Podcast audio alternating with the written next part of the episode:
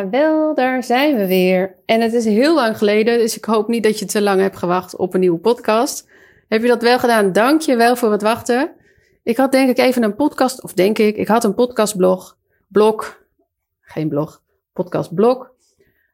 Ik had gewoon even geen zin om een podcast op te nemen. Ik voelde de energie niet en als er ergens bij mij geen energie op zit, dan doe ik het niet. Ja, heel soms wel natuurlijk als het echt moet, als belastingaangifte voorbereiden, bijvoorbeeld.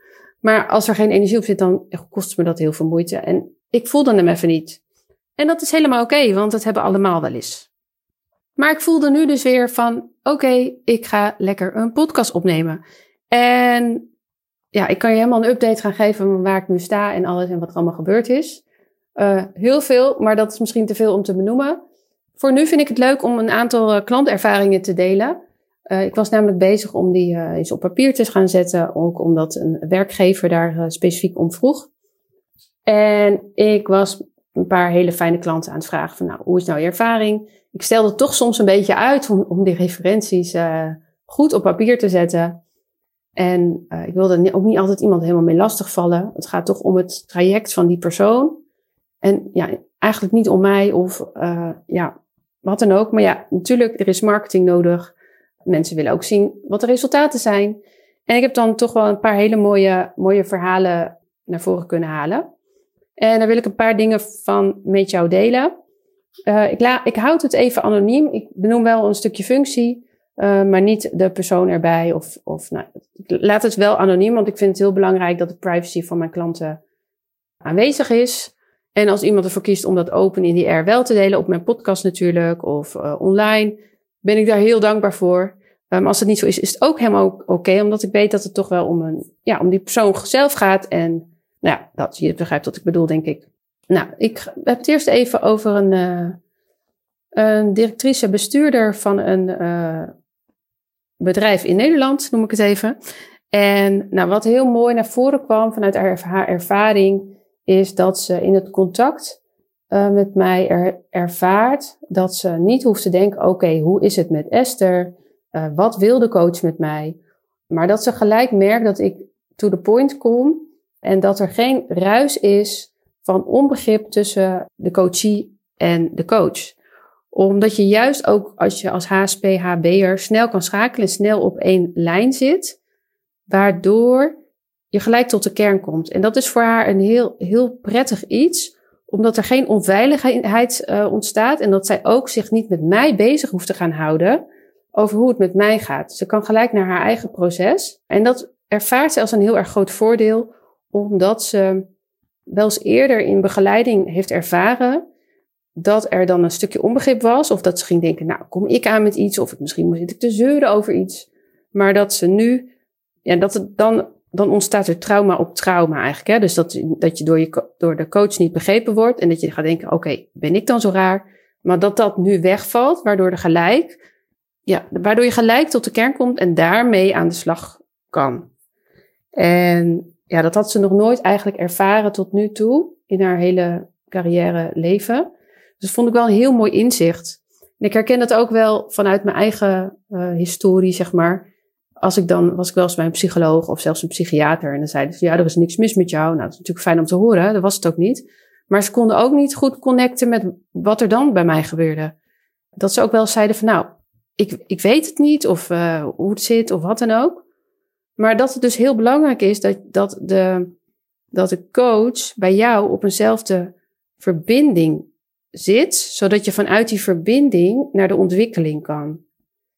En dat is toch een contact tussen mensen die je niet kan beschrijven, maar die er wel is en die je wel voelt. En die jij misschien ook met sommige mensen wel hebt en met sommige mensen dus helemaal niet. En ik denk dat dat heel erg bepalend is voor de coach-coachie relatie, maar ook voor je ontwikkeling en ook voor in hoeverre jij je openstelt en veilig voelt in het ontwikkelen. Nou, dat vond ik wel een hele mooie. Een andere is van een uh, directeur van meerdere bedrijven.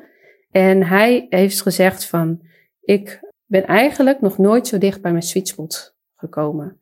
Dus de sweet spot tussen onder- en overprikkeling, uh, daar waar je helemaal op je plek bent, daar waar je voor bedoeld bent.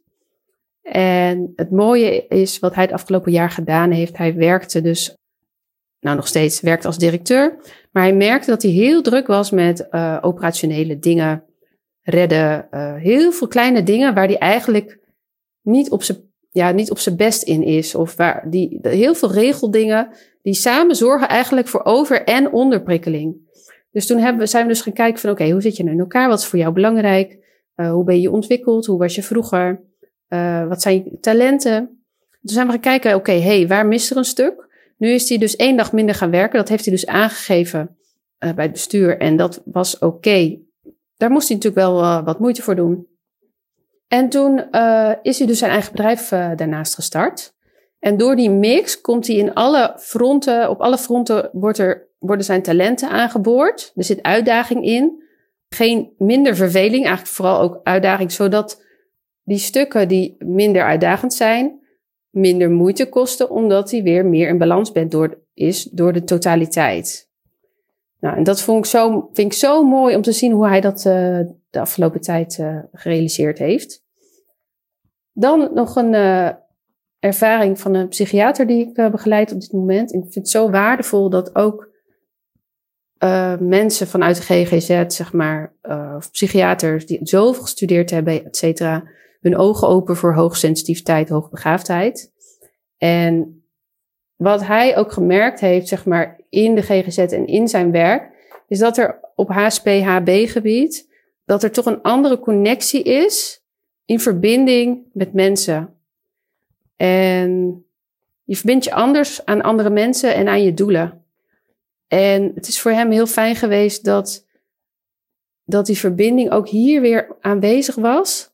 En dat, dat hij daardoor heel erg de aansluiting vond om.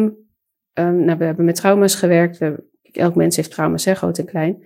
En waardoor hij zeg maar weer een ontwikkeling heeft kunnen maken in zijn zijn.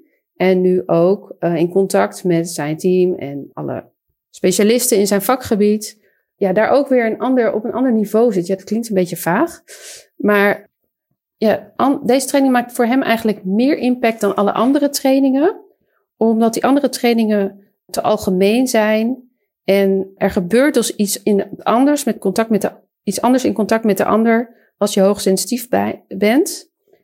Ja, voor hem zit hier heel erg het stuk zingeving in, het stukje informatieverwerking, het stukje waarnemen, waarneming. En hij heeft gemerkt dat we ook hierin langs de ruis heen zijn gaan werken.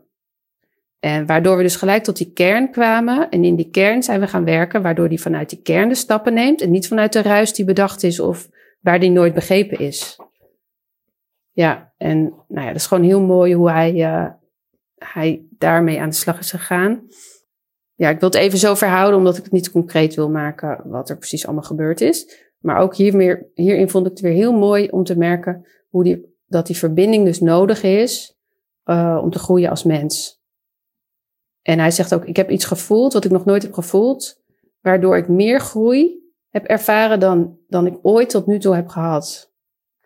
Dus je ziet ook dat het van mens tot mens heel belangrijk vind ik, vind ik ook een heel belangrijk iets. Ja, dus dat zijn eigenlijk even drie ervaringen die ik wilde delen. Ja, wat kan ik daar nog over zeggen?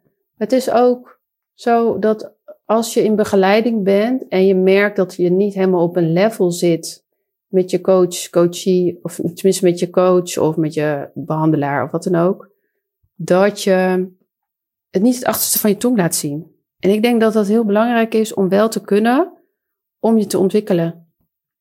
En ik geloof er niet in dat je altijd een hoogsensitief, hoogbegaafde coach moet hebben als HSP-HB. Want je leert ook zeker iets van mensen die dat niet zijn. Maar het ligt er wel even aan op welk vlak je coaching of begeleiding krijgt. En wat je doel is. En of iemand er dan in aan moet sluiten.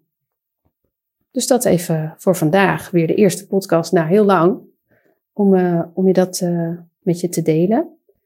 En misschien kan je zelf ook kijken bij jezelf van oké, wat is nou voor mij belangrijk in contact met iemand die mij helpt ergens naartoe om resultaat te halen.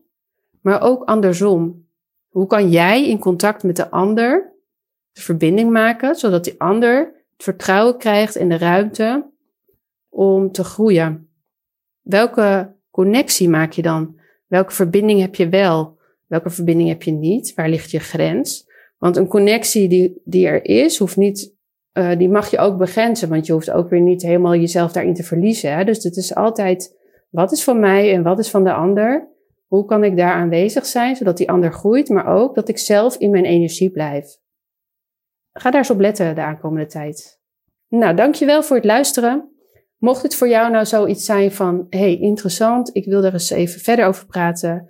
Ik zoek op dit moment ook iemand uh, die mij begeleidt in relatie tot mijn hoogsensitiviteit, eventueel hoogbegaafdheid en werk. Uh, misschien wil je, merk je dat je niet meer op de juiste plek zit. Misschien heb je het gevoel dat je jezelf te veel hebt aangepast. Uh, merk je dat er meer in zit dan er nu uitkomt. Neem dan contact met me op. stuur een bericht naar www. Kijk even op www.aspnwerk.nl slash contact of slash gesprek. Dan kun je gelijk een gesprek uh, met ons inplannen. Je mag me ook altijd even een berichtje sturen op LinkedIn of op uh, Instagram. Uh, ik geloof er namelijk in dat jij niet voor niks deze gave met je gave hebt meegekregen. En ja, daar, daar is gewoon, daar mag je wat mee doen in deze wereld. En dat is voor mij ook het thema voor 2023. Je hoogsensitiviteit, je intelligentie, eventueel hoogbegaafdheid, vermoedelijke hoogbegaafdheid. Hoeft echt geen test voor, uh, geen IQ-test voor te doen. En je intuïtie, dat zijn de drie tools waar je mee jij super, super van belang bent. En waarmee je heel veel kan doen. Maar wat wel ook ervoor zorgt dat je dat op de juiste, uh, op het juiste in mag zetten, zodat je het niet ten koste van jou gaat. En uh, nou ja, vier jouw unieke gaven. Dankjewel voor het luisteren en heel graag tot de volgende.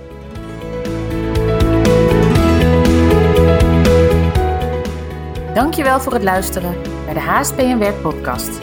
Wil je direct praktisch aan de slag met jouw HSP en Werk?